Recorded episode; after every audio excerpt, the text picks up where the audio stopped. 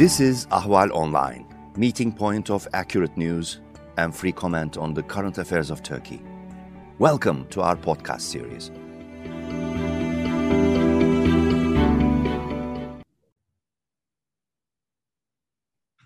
Hello, my name is Nicholas Morgan. I'm an editor at Ahval News, and this is Turkey Abroad. Joining me today is Yuri Nemets. He's an attorney and an author of the Red Notice Abuse blog, and he is based in Washington, D.C. Yuri, thank you for joining. My pleasure. Thank you for having me. So, Turkey is set to host the upcoming General Assembly meeting for Interpol in November this year after last year's event was postponed over COVID 19. Uh, this meeting is going to involve some votes for new members of Interpol's executive committee and the, the branch responsible for processing the agency's uh, da- data. So new so new changes are expected to at least take take place. What do you, what to you is the importance, Yuri, for Turkey in hosting this meeting of Interpol this year?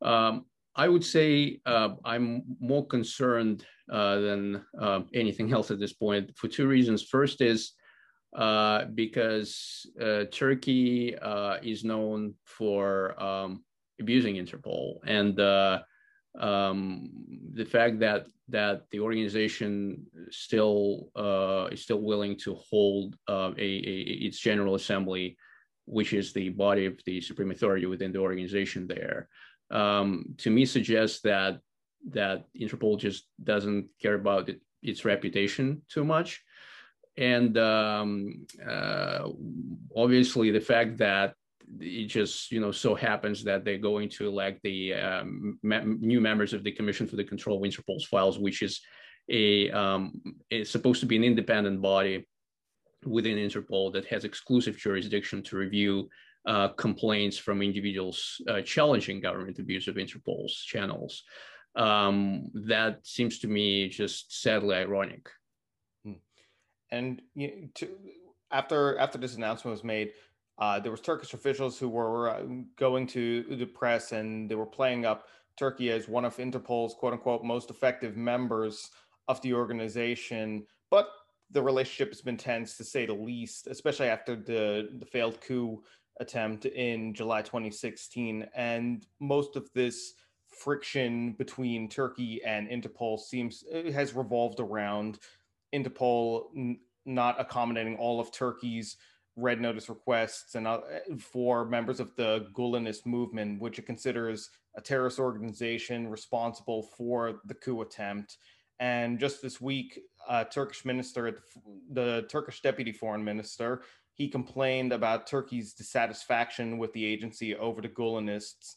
And of course, this also plays into another uh, event that happened this week because a Turkish court issued a warrant for for the arrest of Can Dündar. He's he's the former editor of Cumhuriyet, and in, an Interpol official told uh, DW that they did they did not accept his request ultimately. And to my knowledge, this is not the first time they've rejected a red notice request for for uh, Dündar. But do you think now that Turkey is going to be hosting this conference uh, in November. Do you think that they will use it as an opportunity to try to influence new new rules or reforms that will accommodate its demands, namely like this pursuit of its critics overseas, even if that goes against Interpol's own founding articles? Uh, I think it's unlikely. Um, I think it's unlikely. Um, but to just uh, go to the uh, beginning of, of, your question, um, I um, want to warn that that um, whatever data we hear about, um, you know, Interpol rejecting or accept or approving requests from Turkey um, or from any other country. Unfortunately, uh, this information is most of the time is based on speculations. Um, the commission um, is uh, has the power to uh, disclose to the public to they, they publish this annual reports uh, how many uh, complaints they received against each and every country what allegations were made in those complaints how many times the commission uh, found uh, violations and what those violations were, again, with regard to each and every country. Despite the fact that it has this power, it doesn't do it. It's never done that. Uh, so we don't really know who this country's major abusers are. We assume, and that's very unfortunate. Uh, um, we assume from media reports, which might not necessarily be accurate. Uh, we um, as practitioners, you know, we know how many cases, you know, we uh, handled against, you know, any specific country and how they ended and so forth. But this is nowhere close to, you know, getting the full picture. And that's very unfortunate.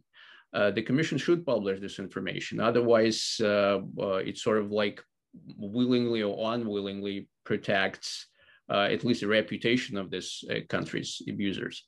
Um, uh, in terms of uh, um, whether whether or not Turkey will be able to change um, uh, anything um, in terms of the rules, so that you know uh, its requests uh, go through the system um, uh, and get published in the database.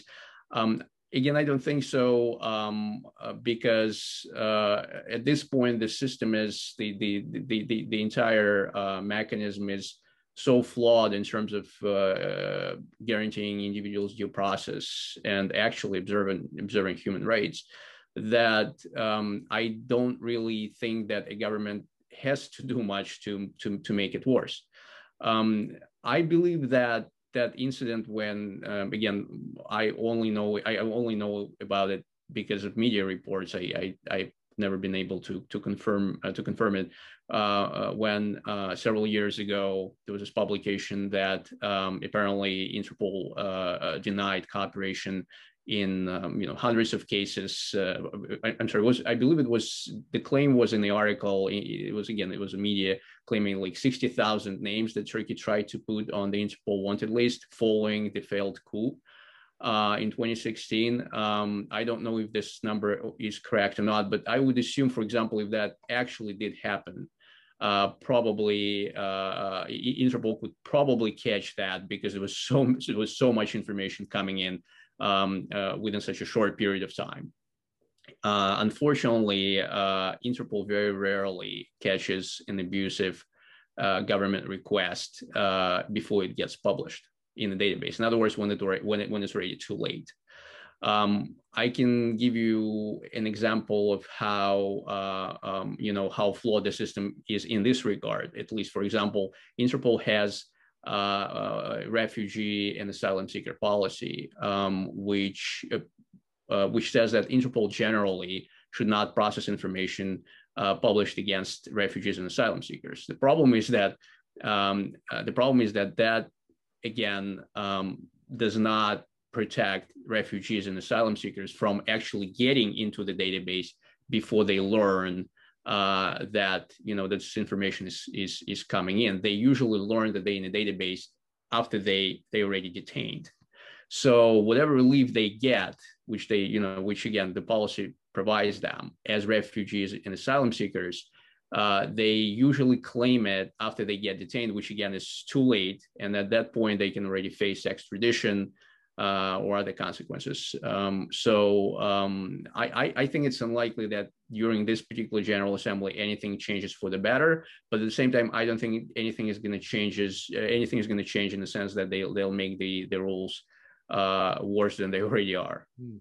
And and this brings another uh, question to my mind with what you said there because I think very often when when we think about or when we hear about abuse of Interpol by by other countries, the main thing that comes to mind is issuing red red notices that go into the system. But what are what are other ways that countries like Turkey or others who are suspected of taking advantage of Interpol for their own uh, ends? What what other ways do they abuse the system? um, red notices uh, they just well known you know again from the media uh, books movies um, uh, red notice it's just one uh, uh, way to abuse to, to, abuse the system there are diffusions uh, and there is a for example the stole, stolen lost travel documents database A diffusion effectively is the same thing as a red notice in terms of its consequences. That is, you can still be detained and potentially extradited and face what we call, in addition to that, face what we call uh, collateral effects. Uh, uh, collateral effects such as uh, having your bank accounts closed, um, visas canceled, you can lose your job if your employer cares, of course. Um, so um, uh, uh, diffusion is something that a government can. So a red notice is published um, uh, after the general Interpol General Secretariat approves it for publication. The process is inc- incredibly brief, uh, just because any government, um, when it fills out the request for red notice, the amount of information that they have to provide is so uh, basic that most of the time Interpol cannot establish uh, whether an incoming request is abusive, that is against its rules. For example, and the governments have learned to uh, trick Interpol, uh, and it's not that hard. So um, uh, Article 3 of the Interpol Constitution prohibits the organization from participating in any activity of a political nature. Uh, but governments almost always do not charge uh, their political opponent with for example, and sometimes they, they, they, their laws do not provide for, you know, such a violation. For example, they, they don't, they don't charge anybody with, uh, um, you know, with, um, usually, I'm sorry, with uh, insulting the head of the state. They charge a political opponent with, for example, fraud based on trumped up, trumped up charges, which is a perfectly ordinary law, law, crime. And, you know, without any additional information, doesn't really call into question the legality of the red notice. Um, so uh, diffusions, despite the fact that just this review, preliminary review for for for, for red notices is so um, is so basic and doesn't really allow Interpol most of the time to assess uh, what the case is really about. Um, diffusions are published by governments without that review.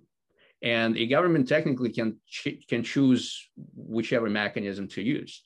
Uh, so the Commission for the Control of Interpol's files, in one of its uh, recent annual reports, um, admitted to the fact that it had to deal with cases in which, after a red notice was denied by Interpol, deleted for whatever reason, a government, for example, because it violated Article 3 of its constitution, uh, it, the same governments were able to put, there have been cases in which the same governments were able to put the same individuals back into the database.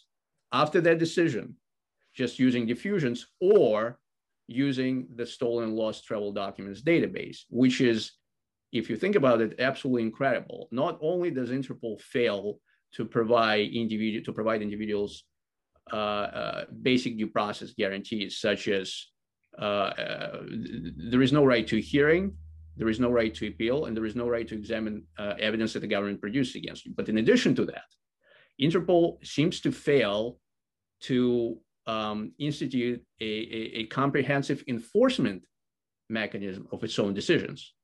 If this is the case, and we're talking basically, uh, um, you know, uh, establishing a, a, simple filter, a filter mechanism, you know, like adding a filter to whatever their software that would screen incoming requests and stop those that, for example, match the same name that's already been before the commission and uh, uh, the government request has been rejected. So um, uh, there have been cases like this, again, by Interpol's own admission.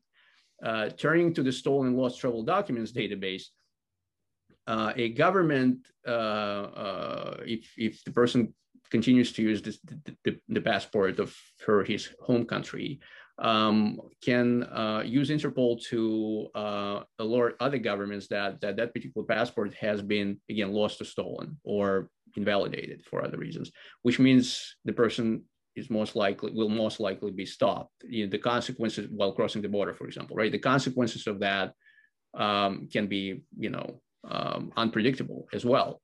Um, so uh, uh, what the commission has written in its recent reports, annual reports again, is that uh, it seems like the only um, uh, thing that Interpol has done so far with regard to the SLTD database, the stolen and lost travel documents database, is amend the organization's rules.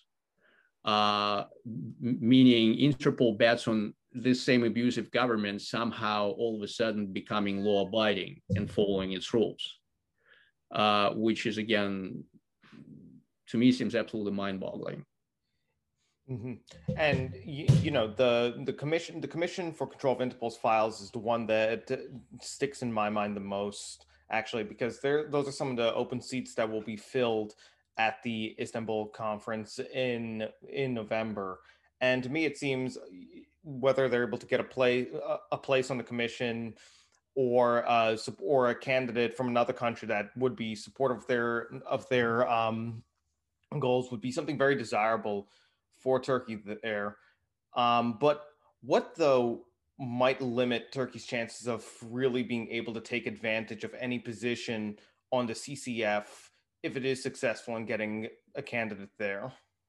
So, uh, uh, under Interpol's rules, the a, a, member of the commission who uh, is a national of the country against which a complaint is filed cannot take part in, in in consideration of that particular case.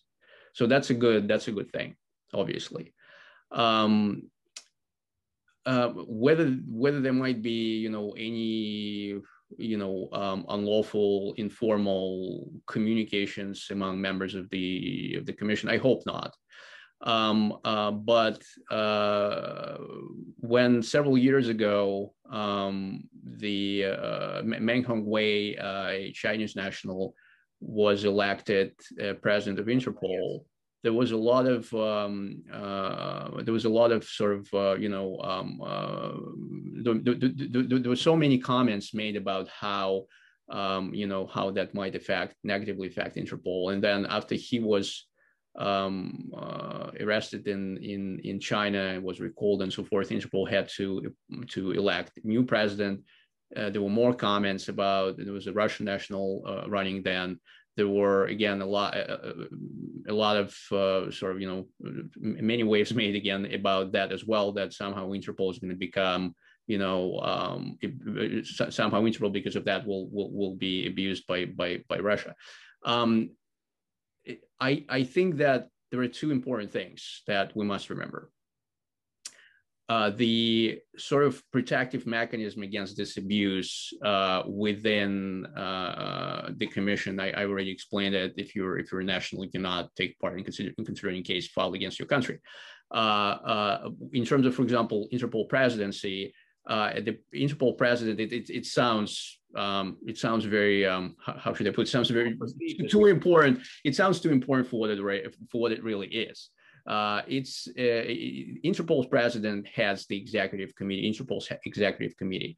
They cannot, the executive committee, first of all, you know, they have several members and, you know, um, they usually resolve uh, issues by the majority of votes. But what's more important is that the executive committee cannot change the rules that, for example, the General Assembly has adopted. They must execute them. The executive committee cannot tell the general secretariat uh, order them around. They cannot uh, the commission cannot take orders from anybody. Nobody can give the commission the commission for the control of interpol files any orders. It's independent. Um, so um, instead of concentrating on um, you know on who exactly gets elected and that they can somehow influence the entire thing uh, uh while on this post I think that we we're missing a, a more important um, the more the, the, the point that's that's really important here, which is Interpol needs reforms. You know, just by preventing countries from taking these positions, uh, we're not going to resolve anything. Um, and yes, I agree. Uh, you know, having said that, I agree. I believe that any country known for Interpol for abusing Interpol should not, just for reputational uh, purposes for the organization itself, should not be allowed to take any of this um, uh, major roles as a member of the commission or as Interpol's president. There is no question about it. But this is just a, a part of the of the entire um, campaign, if you want to call it, that at the same time isn't really, as I said, going to resolve anything by itself. What we really need is carrying out additional reforms at Interpol, in addition to introducing the, the, um, um, the things that I've already mentioned, the right to hearing, the right to, to appeal, the right to examine evidence the government produced against you, uh, we need to make the process more transparent.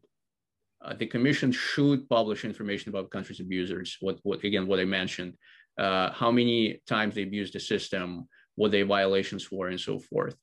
Um, so um, you know that, that, that's that's the important part. Uh, concentrating too much on you know um, who's going to take what posts.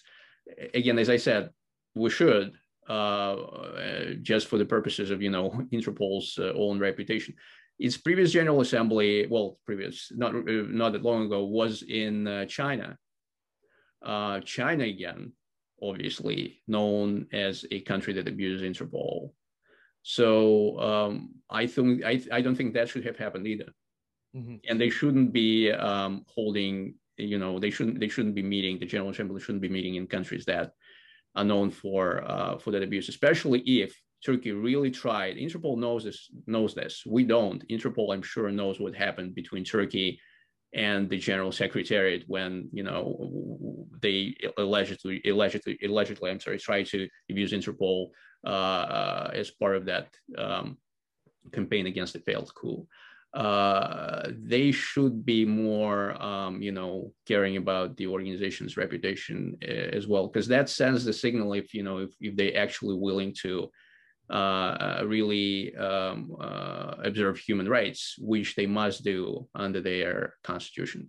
constitution, and uh, you, we we talked about a number of countries now, aside from Turkey, that of course have been that have been accused of abusing Interpol. China, Russia, Russia, of course. Um, another one that that came to my my mind well, when you were a- answering my previous question was the United Arab Emirates, which mm, they also very publicly tried to push for their own candidate to head the organization, but were met with resistance as well. And then there was, of course, um, some controversy over the finan- like the financial contributions from the Emirates to Interpol that some thought was leading to an um, an undue amount of influence over the organization, or they were alleging that that's that's what the case was. And as proof, they're pointing to the fact that Abu Dhabi hosted a number of more Interpol conferences in recent years than a number of other countries had done. But you know, this makes me also just think as to as voting is going to be a part of the Istanbul conference um, Turkey's drifting, of course, right now between the democratic its democratic allies like the United States on one hand, and then of course in the direction at the same time as their authoritarian counterparts like Russia and China. So their vote, I in my mind, on in terms of any of the candidates that might go forward for these positions, it seems like it seems like it could be a swing one but do you think it's likely Turkey would be more inclined to support, if not their own candidate for any of these major positions, than one from another country that might be amiable to their request, like say Russia? Yeah, no. If if uh, um, just just just you know to to answer my question, you know, make make make make make a long story short. If uh, we have uh, uh the commission filled at this point with members from uh, Russia, China, UAE, Turkey, um, and say Egypt, we're in trouble. I mean, you know, it's there is no other way to put it. Um, uh, I hope that's not going to happen. Um, uh, you know, it it just it, it's it's it's I, I just can't it I just can't uh, you know I I I I hope they they're not going to do it. You know, I hope they, the General Assembly is going to act, uh, um, uh, you know, in a different way. Um, the problem is again, Interpol's rules do not provide for um, any of this. I mean, they do not prohibit countries, uh, you know, found to be in violation of Interpol's rules on a regular basis from submitting their uh, candidates. Um, and again even if they say try even even for example if if there was such a provision in interpol's rules enforcing it without the commission publishing the information about specific violations and they extend by you know country by country uh, it would just be unenforceable. So uh, we we need we need both things. I agree. The rules should say it and the commission should publish this information Uh, at this point, though, I hope that the that the General Assembly, uh, you know, is prudent enough to um, uh, not completely demolish, uh, you know, uh, Interpol's reputation, and at least make sure that the Commission appears to be a really independent body, not just you know on paper, but a really independent body, not uh, comprised, you know, not not not filled with members uh, uh, from countries that are known for views. And you're right, it's Russia, Egypt, uh, China, UAE. Um, I can name several other countries.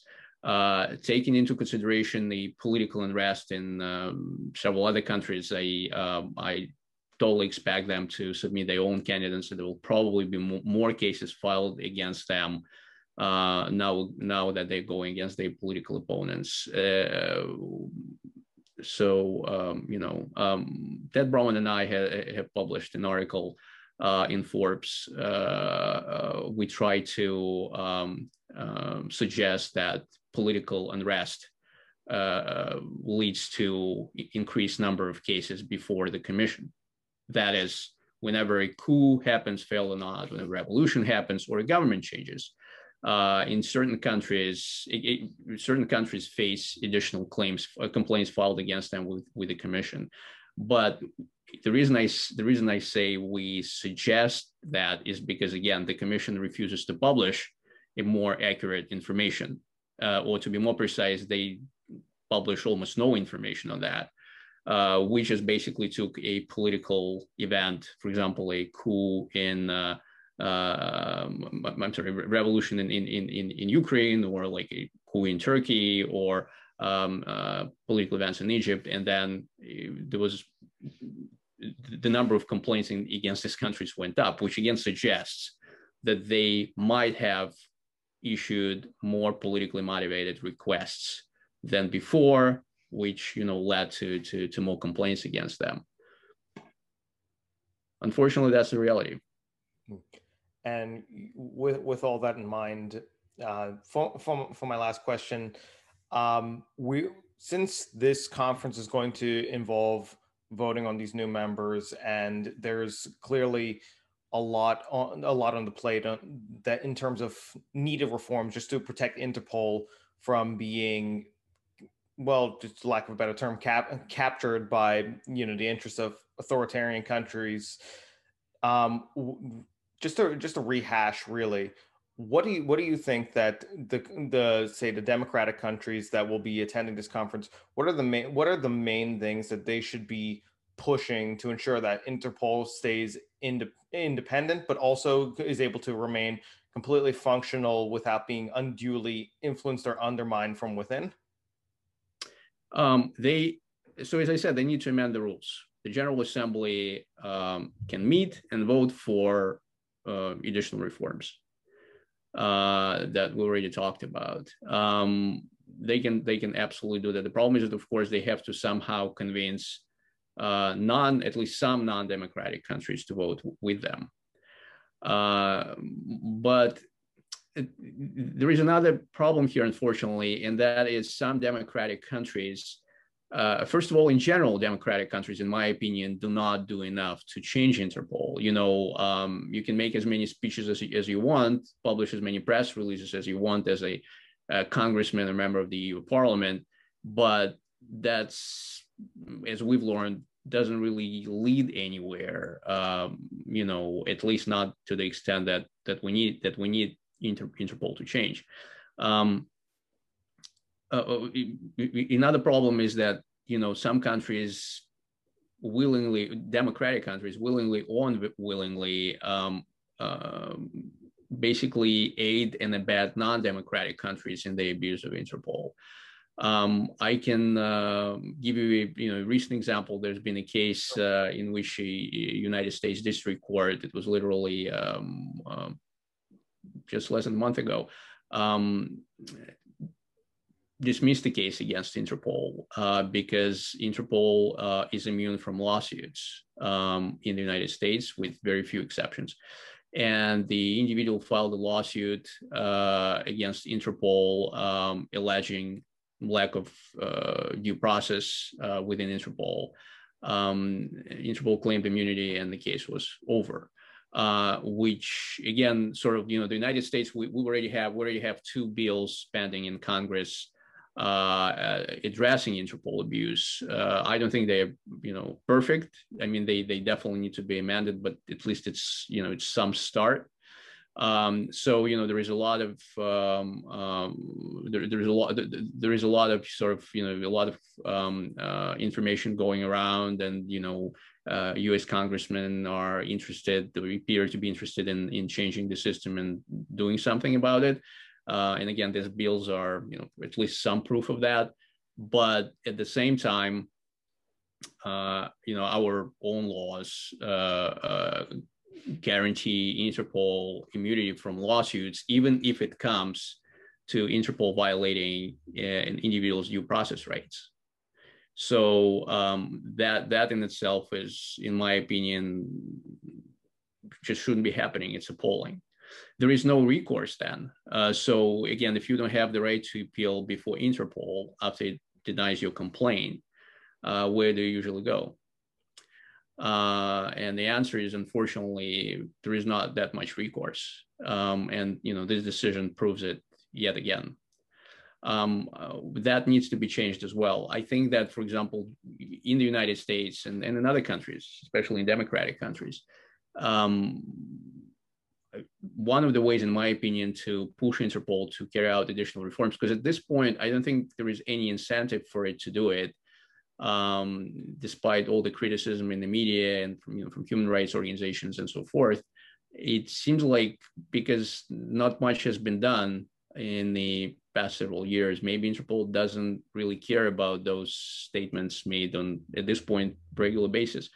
Maybe one of the ways to um, you know um, incentivize it to, to incentivize it, you know, give it give it this push is um, to to strip it from you know its immunity uh, at least um, you know um, under this condition that you know until it changes the system until it changes itself which again it can um, no such immunity will be uh, granted. I think that would be that, that that's something that also needs to be done must be done mm-hmm.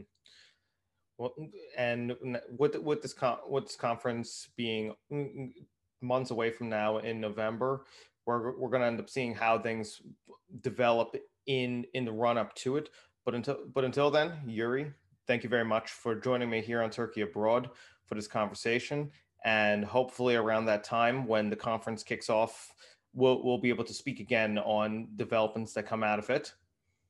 Sure, my pleasure. Thank you for having me. My name is Nicholas Morgan, and this is Turkey Abroad.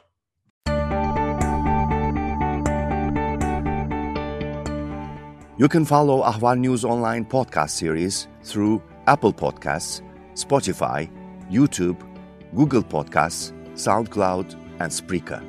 All you need to know about Turkey is here for your ears, mind, and attention. Thank you for listening to our podcast.